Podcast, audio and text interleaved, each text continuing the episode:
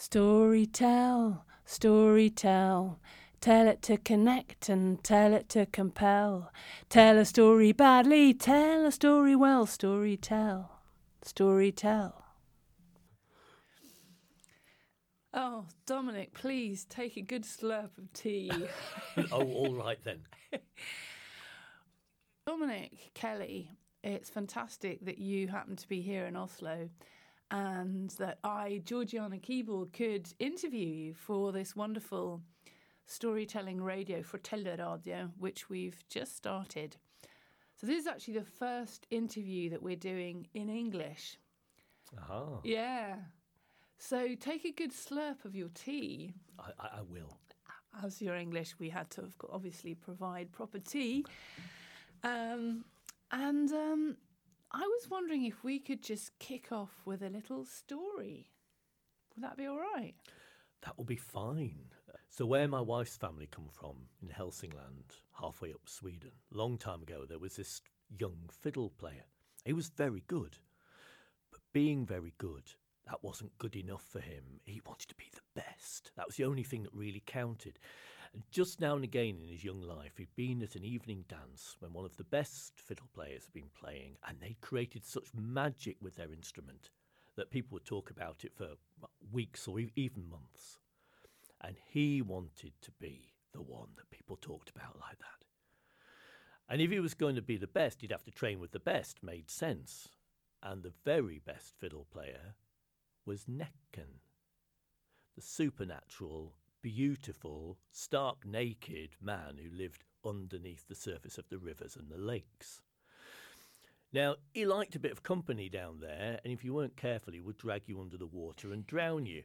but also, he would, if you knew what you were doing, give you a fiddle lesson.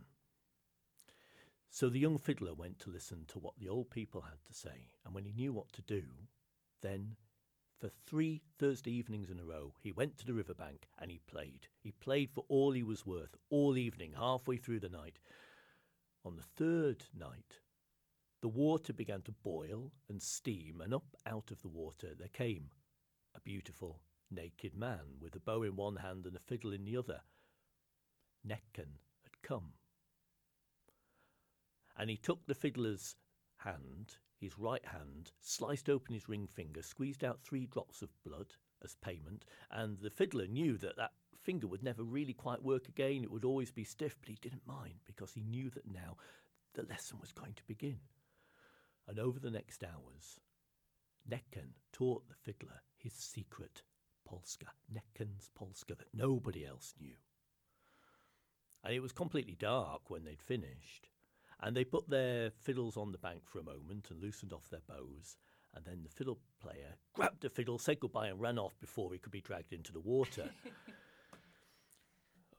when he got home, he discovered that the fiddle he'd picked up was not his fiddle. He had Näcken's fiddle. And, oh, dilemma, you know, what to do. I mean, God knows what happened if you stole Näcken's fiddle. On the other hand, God knows what you could do with it. Näcken's fiddle. And then he remembered that that very weekend coming, he had well, the biggest gig of his professional life so far. The wealthiest family in Helsingland had asked him to play for the dancing for their daughter's wedding. He thought, well, decision made. anyway, so that Saturday night, the, the, wedding feast had finished. All, there was a lot of food left, and it was all arrayed on the tables around the outside of this big room in the Helsingegård. And he started playing for the dancing, and not a single bugger danced. I mean, nobody. this family, they were so stuck up and stuffy, they just sat there. Nobody even tapped their foot.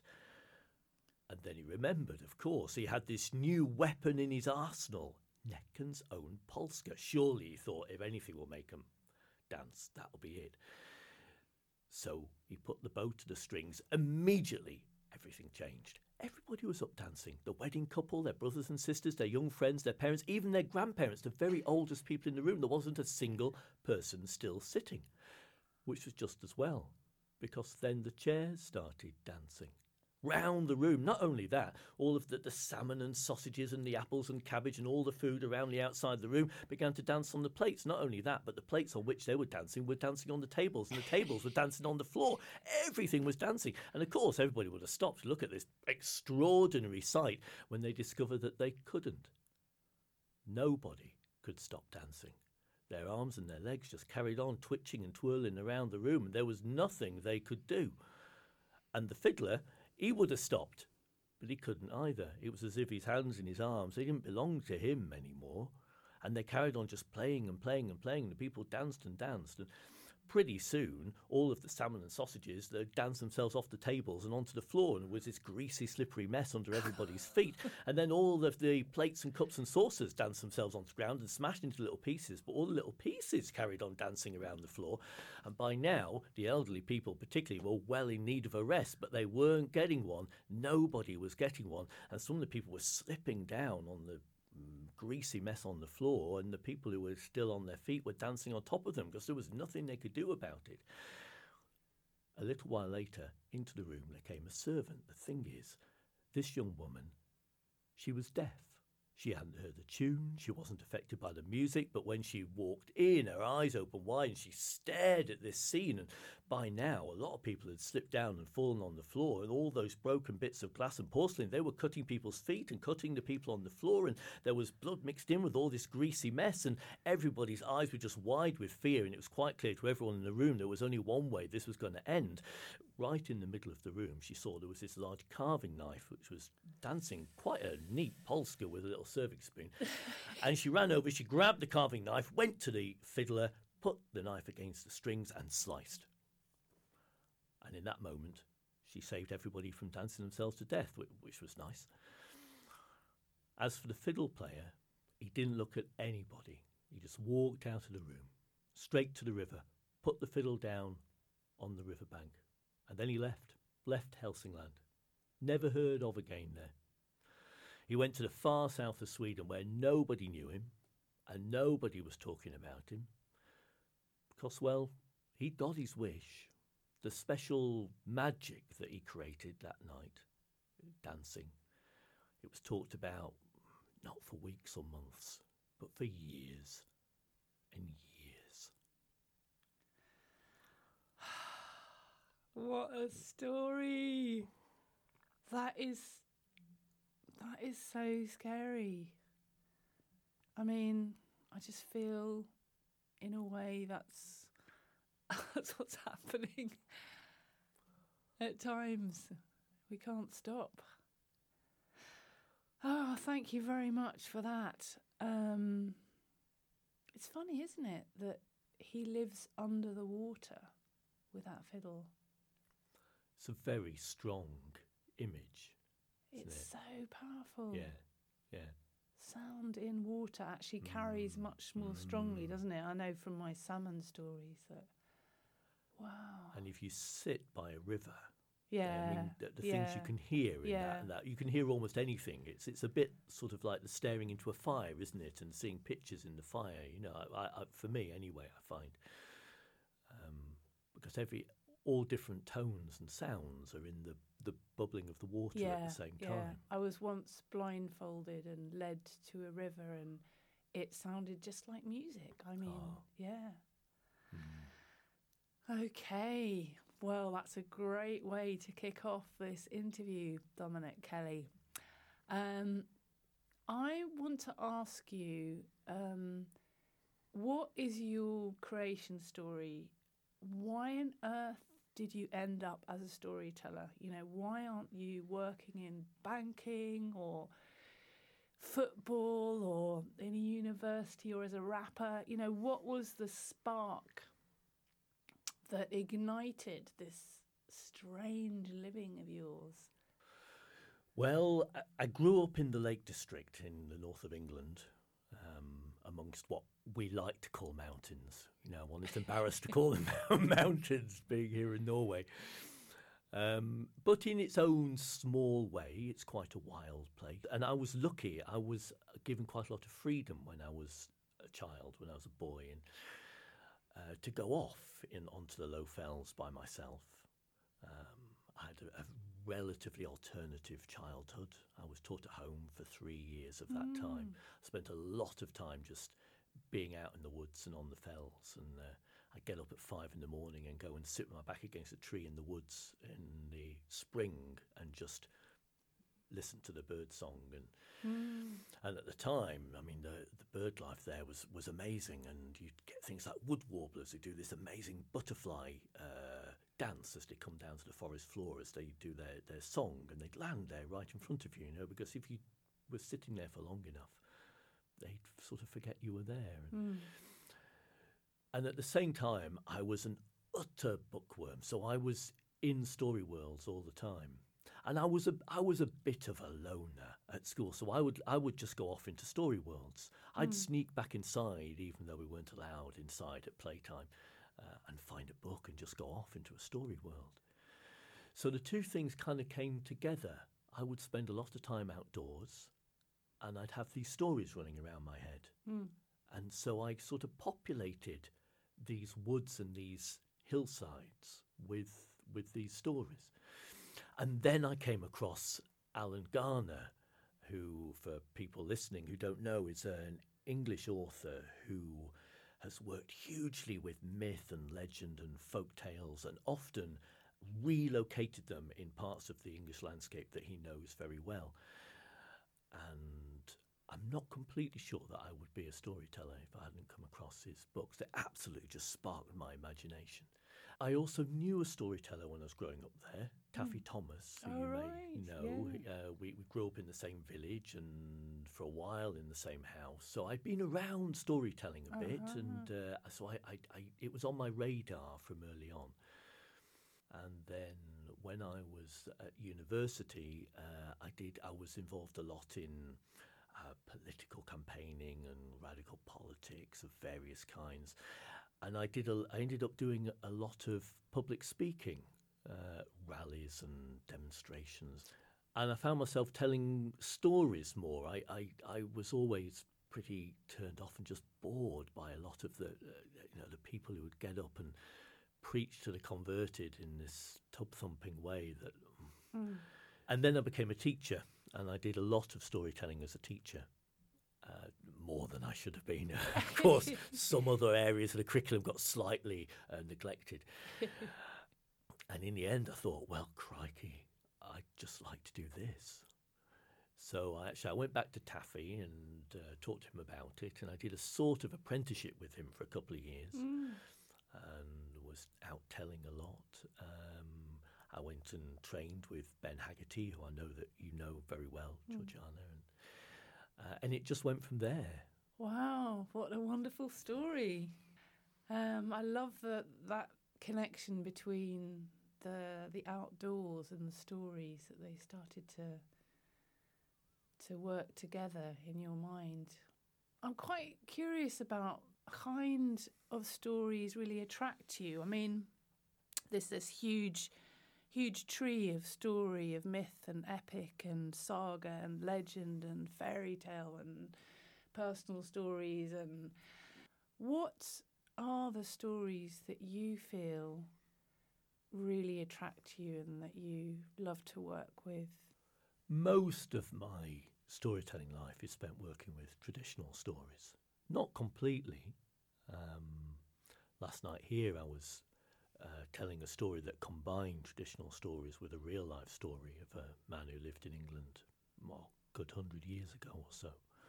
But if I do, then I'm mostly interested in combining it with traditional stories because they they do have, it feels to me, this distillation of human experience in them that a single life story doesn't necessarily have by itself. Well, it doesn't have, you know, it's a one off life and these stories which have been formed by so many people's consciousnesses over such a long time. They feel they have so much in them to unpack and so many different ways in which you can see the story so they fascinate me. They feel like living creatures, like organisms of a kind. So they have their own life, and, and I may start working with one of those stories there's uh, an aspect of the story that particularly interests me and has and feels like it has something to say that I'm interested in saying. Hmm. But actually, what the story ends up doing as part of a larger performance might be quite different. And hmm. I feel I also have to have respect for this thing that's living there uh, uh, entirely apart from me. I mean, I, I love, for instance, these old Swedish sägner, these hmm. short little stories. And there is something about those, about the, the interaction with the natural world. I love wonder tales, you know, what used to be called fairy tales, um, which of course are a little bit different because they're set in this other this other realm, really, this this real story world. Those little sägner, they're very much tied to the world that we know, uh, the forests and the lakes and the hills. Whereas those wonder tales, they're off in this other world, and and that allows larger themes in a way to be explored through the stories. It feels to me you can go and take something and you place it in that story world, and you can see, in a sense, more clearly human behaviour and the human condition in that other place. And then there there is some myth which I love as well. I've worked a lot with Irish stories. Mm. Uh, Have you got any Irish blood? I do, Yeah. yes. So um, Kelly, of course, is I mean, it's the second most common uh, Irish Yeah. surname, but it's a little way back. So Hmm. my parents were both born in in England. Hmm. Uh, one of my grandparents was born in Ireland. All right. Um, and I, I feel like I almost have to be a bit careful with that. I love the stories and I love the country. And of course, there is this sort of romanticism. Yeah. Everybody wants to be Irish, you know, in a way.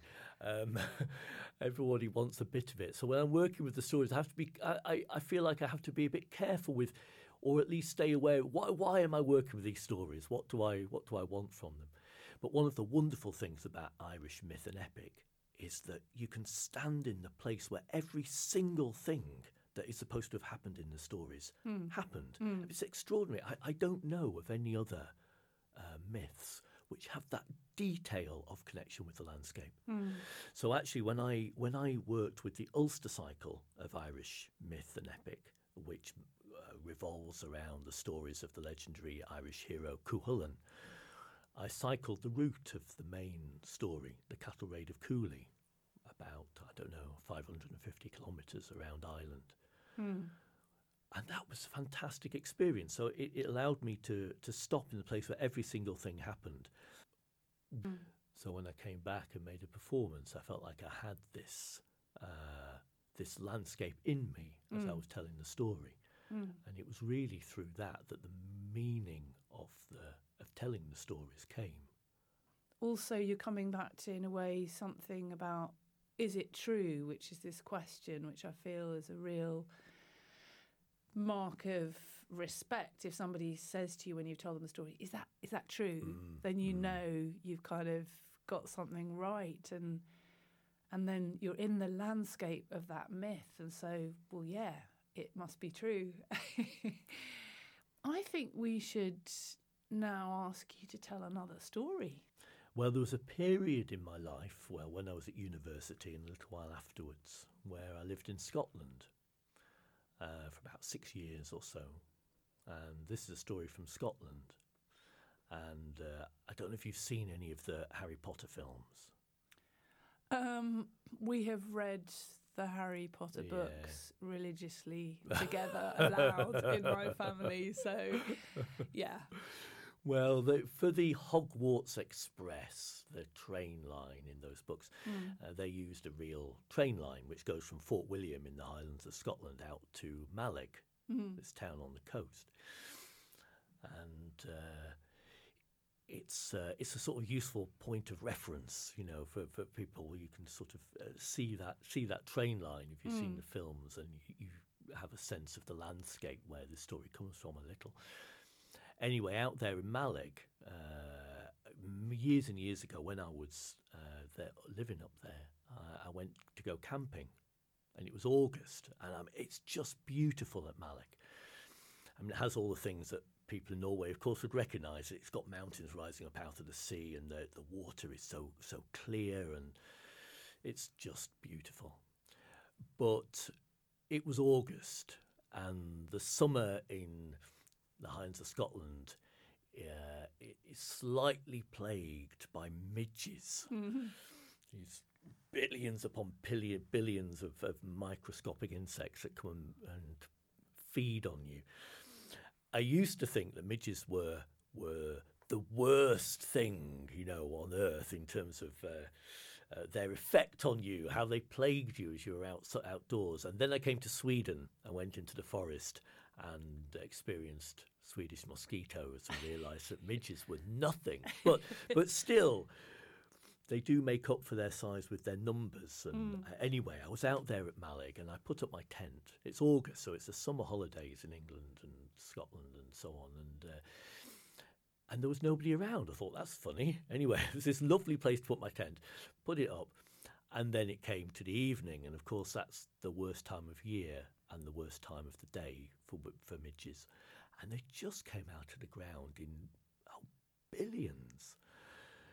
And so they were feeding off my eyelids and my earlobes and everywhere. I literally opened my mouth and my mouth was full of midges. The air was just midge. That was all it was. So I threw the tent back in the car and uh, and I jumped in. I literally had to put the windscreen wipers on just to be able to see through the midges. And I went down into the town of Mallaig itself. And I had to find somewhere just to get away from the midges. So I went into this pub and it was full of people trying to get away from the midges. so there wasn't much room in there. But there was this table by the window, and there was one chair on one side that was empty. So I went and sat down. And on the other side of the table, there was this really old man. And I learnt he was a fisherman. He'd been out there in the boats you know, for decades and decades. Anyway, I looked out the window, and out there on the water in the harbour, there were seals swimming and basking on the rocks and so on. And they didn't seem bothered by the midgets at all. It didn't seem fair. But this old man, he saw me looking out the window. And he said, "Oh, those animals," he said, "they're not always what they seem." I said, "Well, all right. What What do you mean?" He said, "Sometimes seals can be people, and people can be seals." I said, uh, "All right. Um, uh, how can you tell?" He said, if you find yourself sitting next to somebody round here whose family has lived here for a long time, you let them leave first. Have a look at the seat of the chair or the back of the bench they've been sitting on. And if it's damp, as if a wave had come up from the shore and brushed it, then you'll know. I said, uh, all right. Um, well, I said, tell me more. He said, do you know the story of Angus Rua? I said, no. And this is the story he told me that night in the pub in Mallaig. And he said that, oh, I don't know, 150 years more than that ago, there'd been this man called Angus Rua, and he was a seal hunter.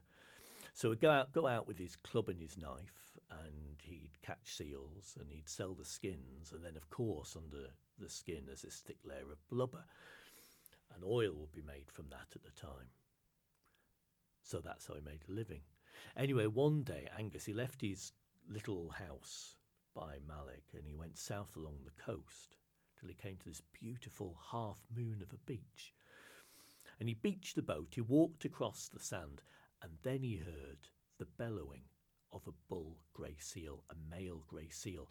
Now, there was this line of rocks running down to the tide line, separating the beach in half, and the sound of the seal was coming from the other side. So he crept up, looked over. There was this enormous bull grey seal. It must have been three metres long. And he thought, I'll make a lot of money from that. But he'd have to get over these rocks. They were quite big, they were covered in seaweed, they were slippery. So he put his club down, he put the knife between his teeth, and then he sprang over the rocks. But as he sprang over, his foot slipped anyway. He fell down, winded himself, dropped the knife, and of course the seal started to make its way down towards the water as fast as it possibly could.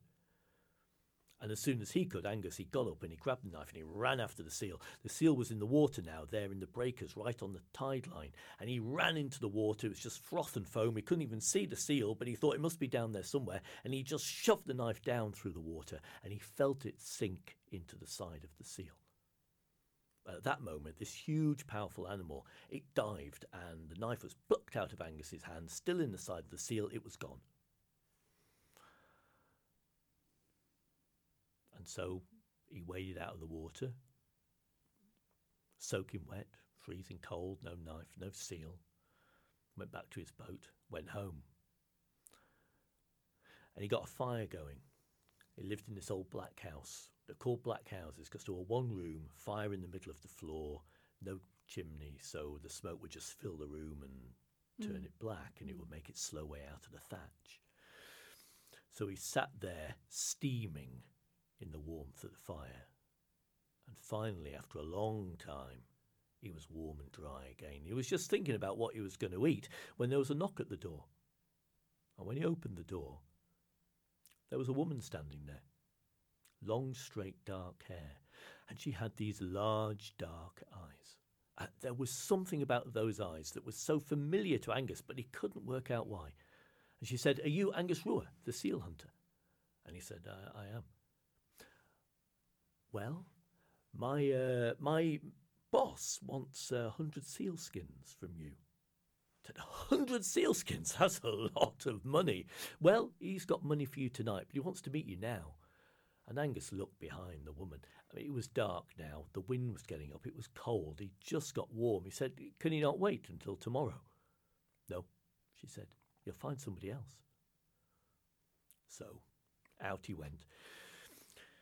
She had a horse and she got on and he got on behind her and off they went. Along the beach, across the fields, up the hills until they stopped on the very top of the cliffs in the moonlight. And she got off the horse. So Angus got off, he looked around. There was nothing there, nothing at all. No houses, no people. He said, Well, well what, what's wrong? Are we, are we lost? No, she said. We're nearly there.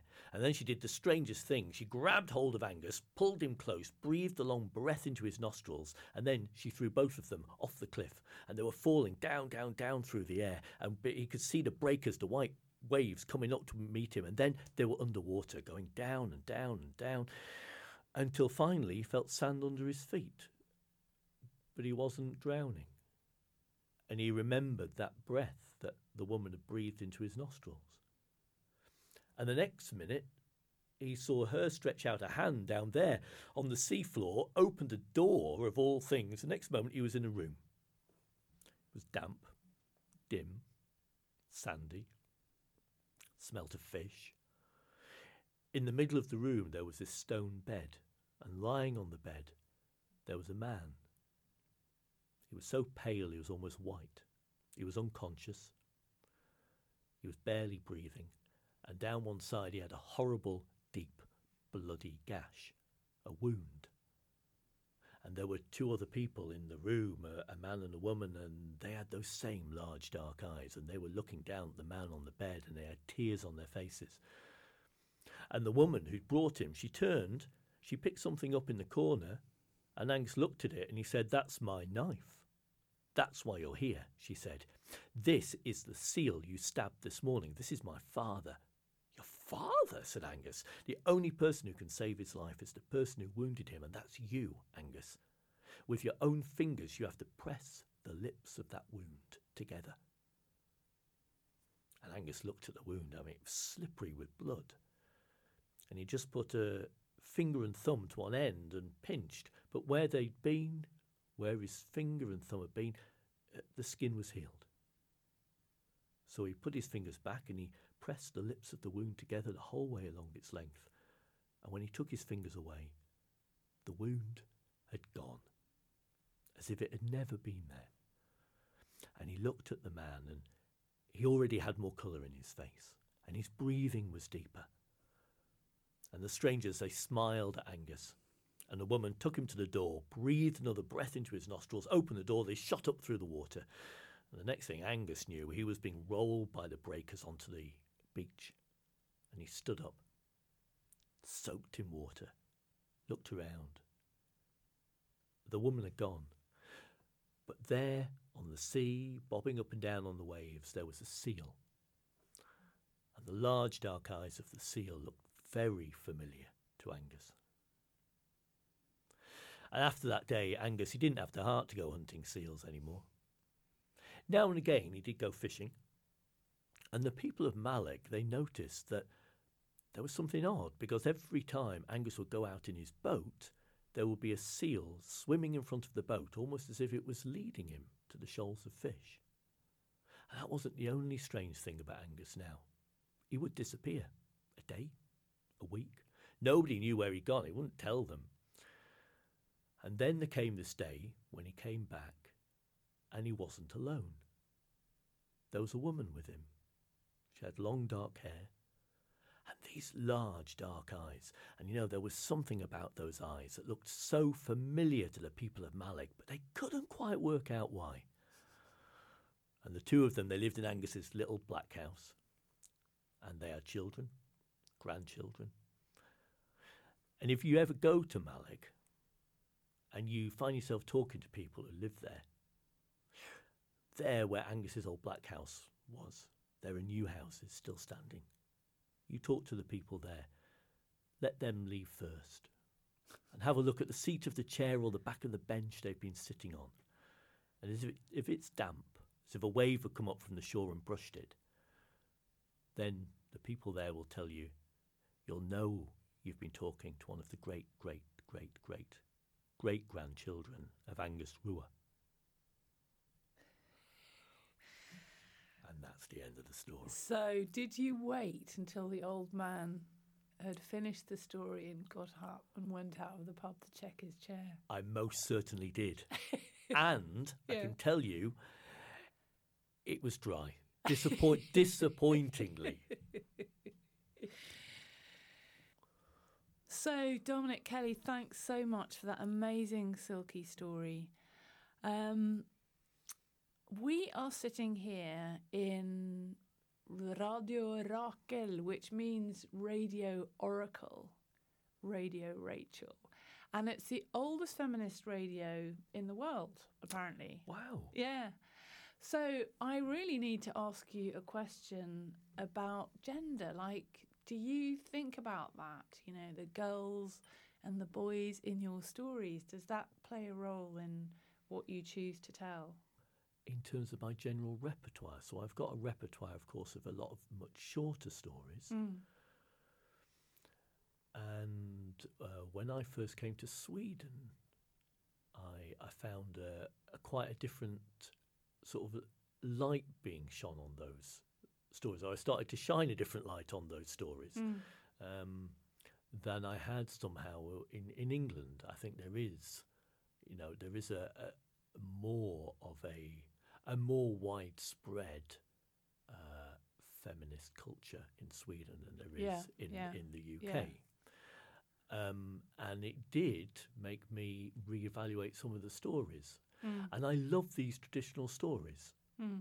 Um, and one, of course, has to be aware that, for instance, one of the things is that so many of them were collected at a particular time. Mm. So, so many of them were collected in the 1800s. And there, for, for instance, you know, just one of those collectors, Jeremiah Curtin, who uh, was an Irish American, and he came over to Ireland and he collected stories from people out in the villages, old people, Mm. except they were all men. Yeah. And so he, he he was down in Kerry or somewhere in the southwest of Ireland, and he came over and he installed himself in a hotel, and he asked a landlord who in that area knew lots of old stories. So a procession of old men was sent to the hotel to spend evenings with him, Mm. But I don't think any of the old women were, and I think you know that was not, you know, it's not universal, but I think it was pretty common. Mm. And of course, one wonders A, what stories would have been collected from the women, or what versions of the stories would have been collected Mm. from women. Now, how, how would they have, have changed? Mm. Um, so, with, with a lot of these old stories, you know, I have this kind of question mark over them. Sometimes there's very small things you can do which make a difference. I mean, the number of stories I realised then, the number of stories I'd taken on in my repertoire, which had the farmer and his wife, just for instance. Well, Yeah, I mean, yeah. I grew up next to a hill farm in Yeah. the Lake District, and actually, there's no such thing as a, fa- a farmer and his wife. You know, so like the farmers there, they were they were getting on, um, Malcolm and Anne, and uh, and if, I'm not suggesting that they that they had necessarily, you know, gender equality at all, because I, I I think that you know, I mean, they were people of their time, and I'm, I'm sure that Anne did most of the cooking and and so on. Hmm. But in terms of working on the farm, of course they were out there both working on the farm all the time. You couldn't not on the hmm. farm. That's how hmm. it is. So the idea that there's a farmer and his wife is an absurdity, you know. Yeah, It- yeah. So especially in Norway, where actually, like in the Viking times or in the fishing community, the guys would be off doing their thing, and it, the woman was the farmer. of course. Yeah, So those things which I hadn't thought about before, I you know started to, of course, to, to Mm, just to get rid of. You know, there were these farmers, a farmer and his wife. You know, what's that about? um, and even smaller things like with wonder tales, fairy tales. You know, they're, they're, they're full they're full of royalty. You know, even the little thing of it's always there was a king and a queen. It's never the queen first, and and it feels it's such a natural thing to roll off your tongue.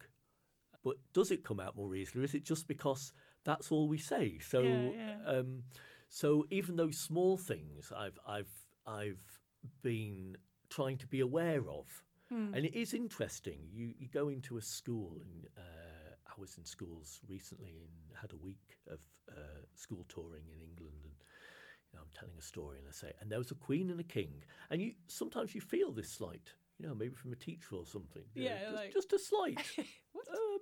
um, um, nothing, something slightly irregular here, or.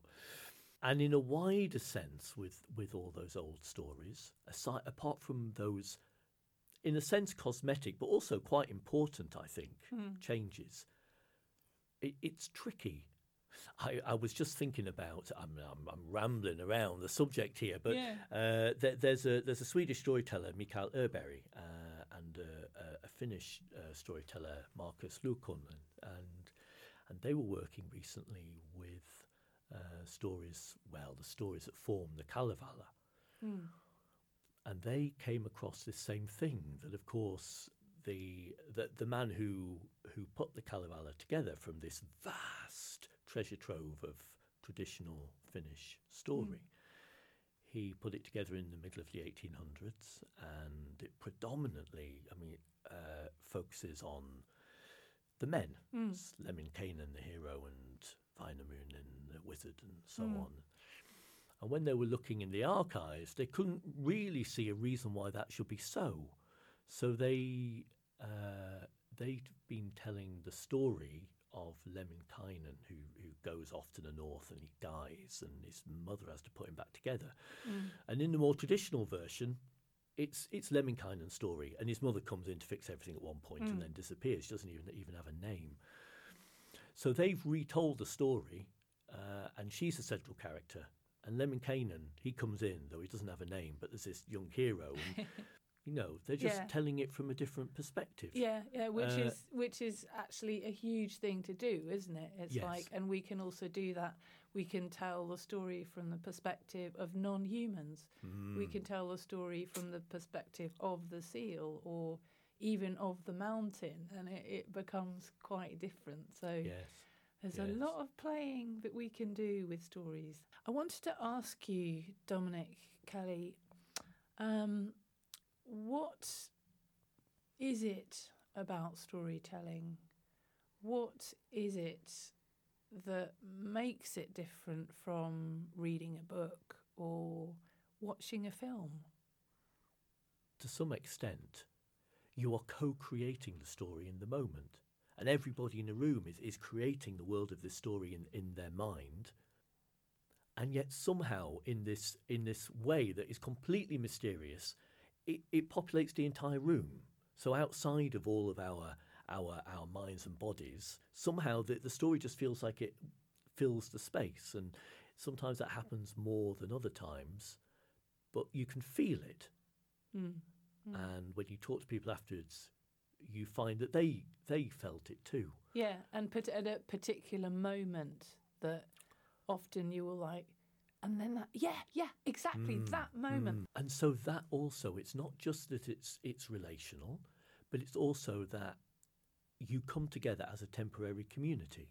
So you and the audience, hmm. you are you you create this this community there, and a sort of a, a, a oneness, really, a hmm. wholeness, which is very powerful. I think. You know, the, yeah. these days we're, we're so fragmented. Our lives are so fragmented. We're all off in our own bubbles and living in our little houses and, and so on. And I think that that experience of coming together and uh, experiencing a shared uh, co-creation there in, Yeah, in the space is yeah. hugely valuable. It's like a sort of food Yeah. that as human beings we need in one way or another. Oh, thank you. That's really beautifully put.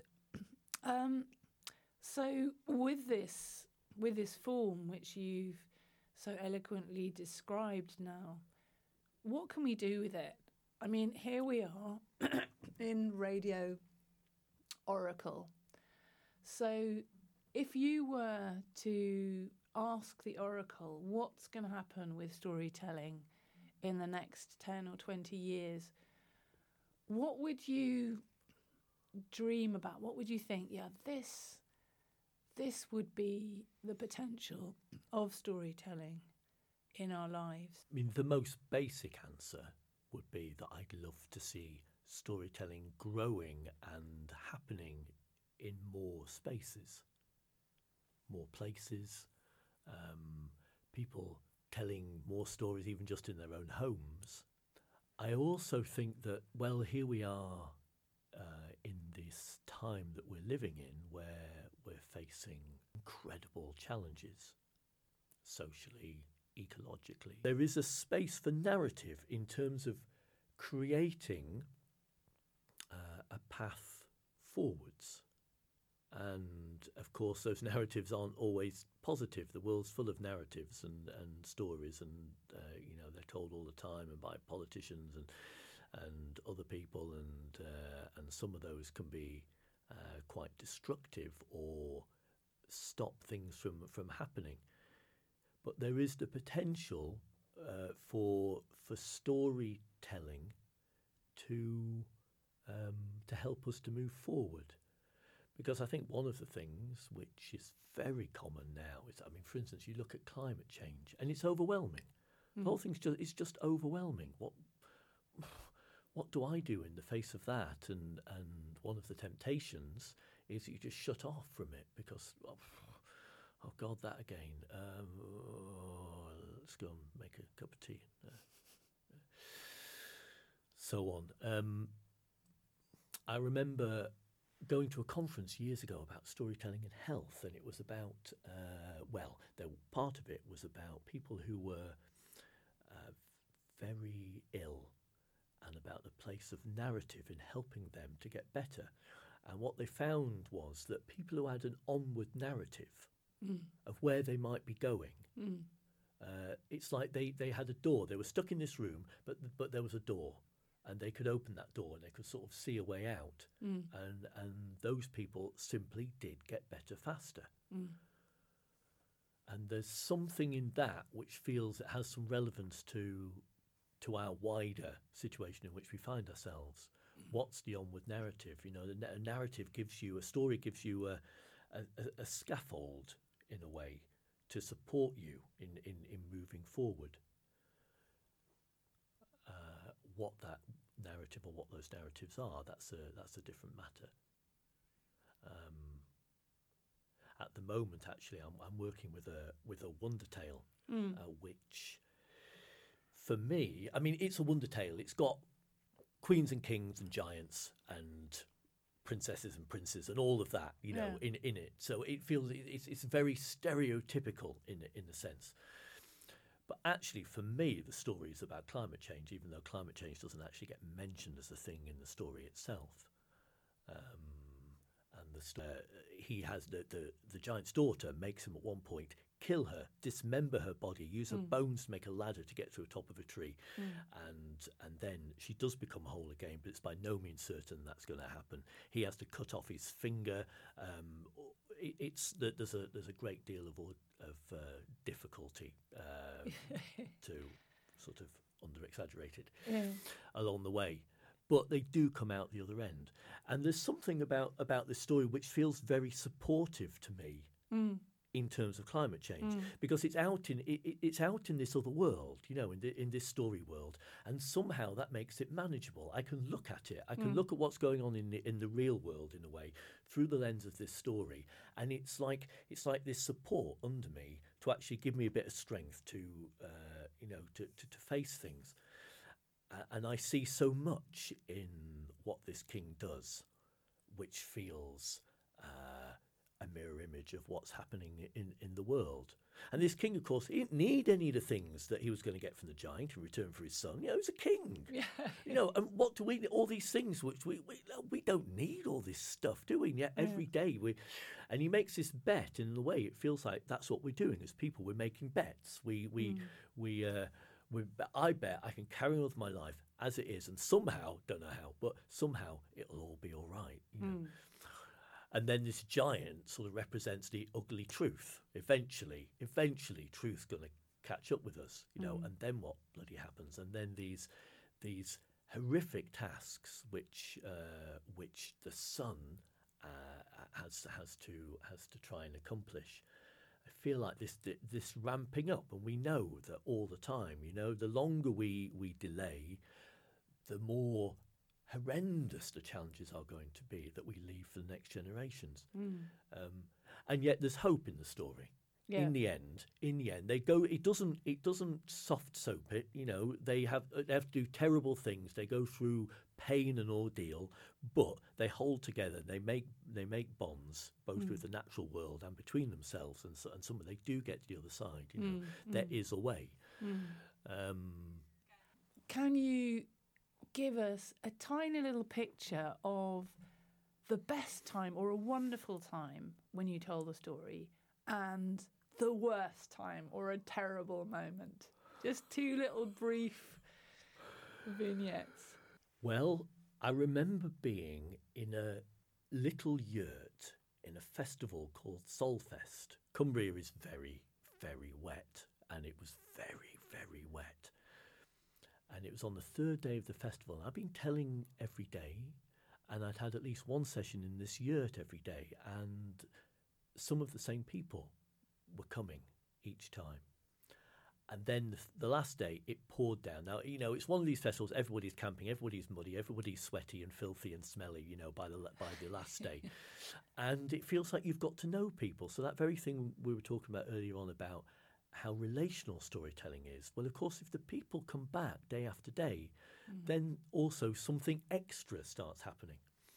So there we were in this yurt, and it's just hammering down with rain outside.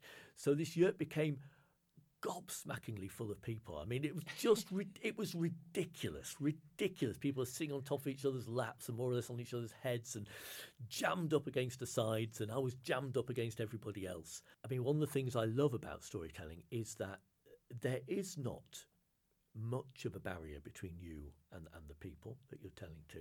But here there really was no barrier, you know, between. It's like we were we were all sweaty and smelly and wet uh, there together in this huddle.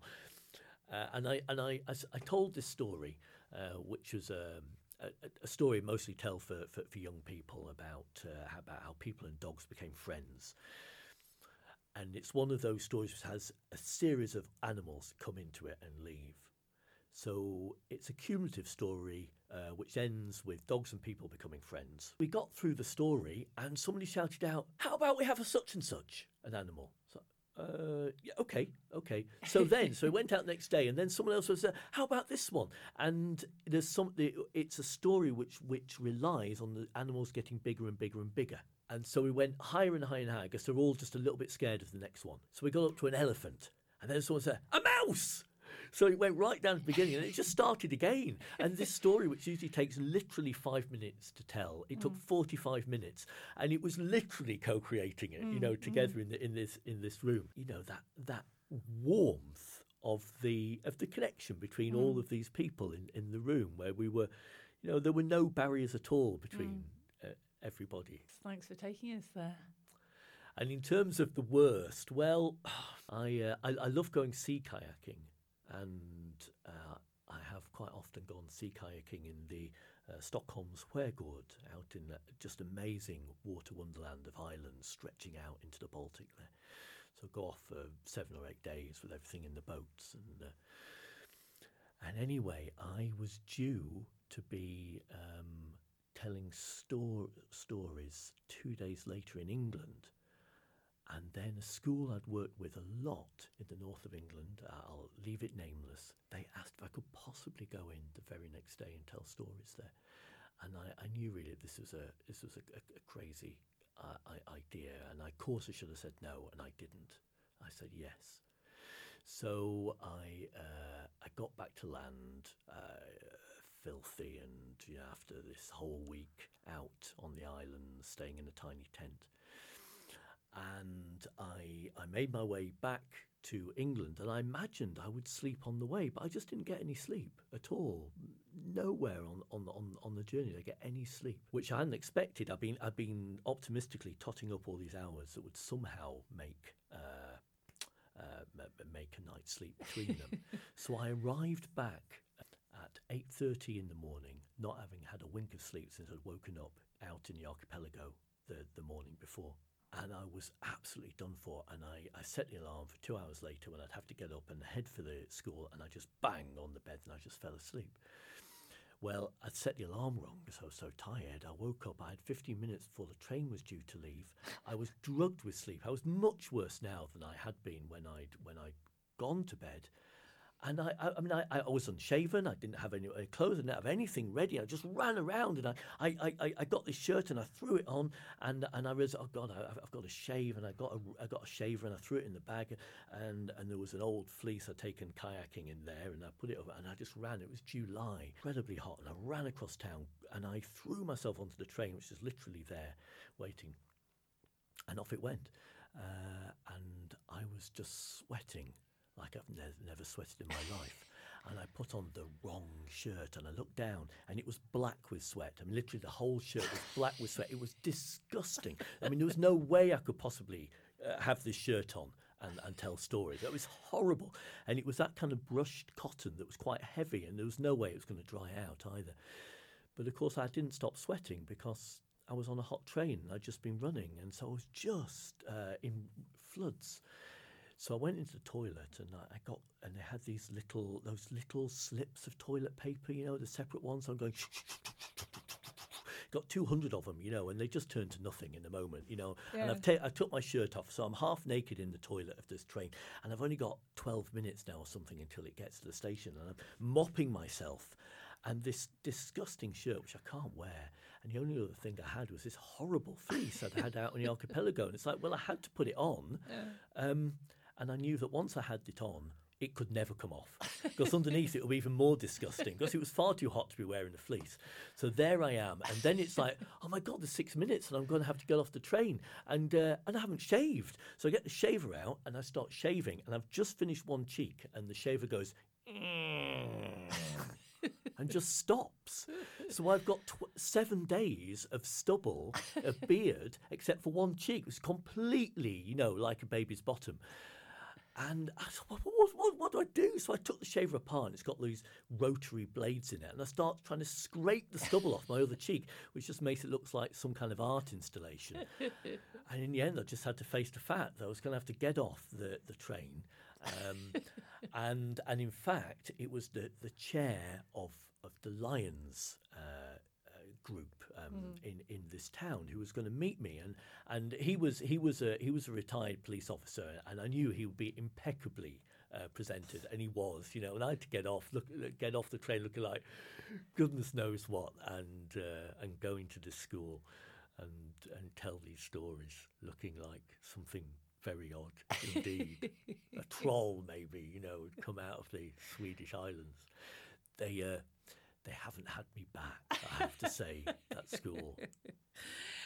Oh, thank you so much. It's always good. It's always heartening for other storytellers to hear about terrible storytelling experiences. Thank you so much, Dominic Kelly. It's been great to have you on the programme. Um, could you just finish this off with one more tiny little story? Well, as I said at, at the beginning, I do love uh, the Swedish Sägner, these tiny little folk legends, of which there, there are just so many.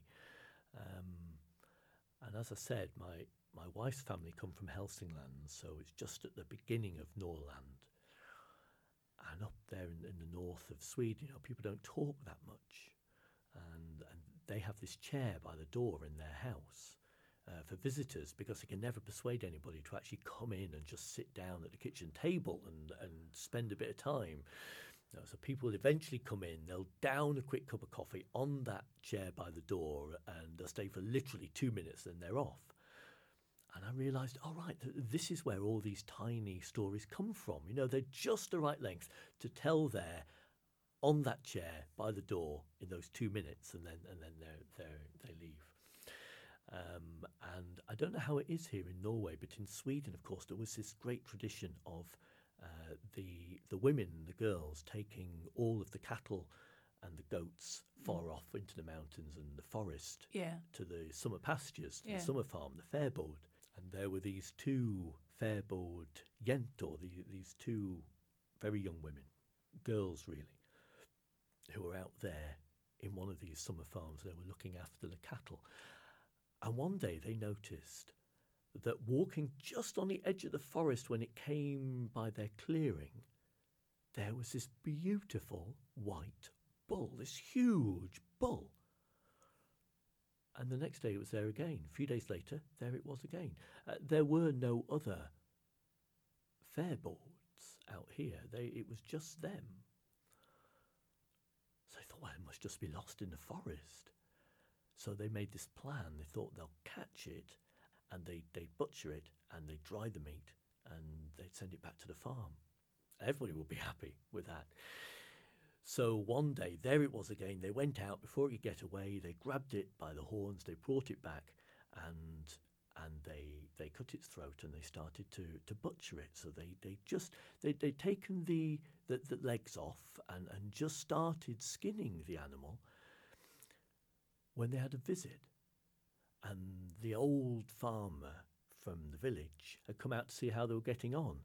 And she looked down at the two girls and she looked at what they were doing and she said, I hope you threw an iron knife over that animal's back. And said, What do you mean? It's not yours if you haven't thrown iron over that over its back. If you don't do that, the owner will be back for that. And so it doesn't have an owner, it's just lost in the forest. Everything's got an owner, she said. This animal will belong to the Skogsrå. That's Skogsrå the ruler of the forest. The woman wanders through the trees, and at that moment, from outside, from the edge of the clearing by the forest, there came this voice. Said, My bull, where are you? And there at their feet, the bull, slaughtered, half skinned, missing its legs, said, I'm in here. Well, come back to the forest. Come home. I can't. They've taken off my legs. Well, come anyway. And the three women stared at this bull because it started to twitch and writhe and contort itself out of the hut and over the farmyard and pushed its way, muscled with the shoulder, the gate open, and squirmed its way across the field. And they ran out and then they stopped because there on the edge of the forest there was a woman standing there in a blue dress. And she was beckoning to the bull, and all they could do was stare at this bull, this thing that slowly, tortuously made its way over to the forest and disappeared. And at that moment, the woman standing there, she turned and she walked off into the trees. And as she did so, they could see that her back, it was hollow, like an old rotten pine tree. And then she was gone.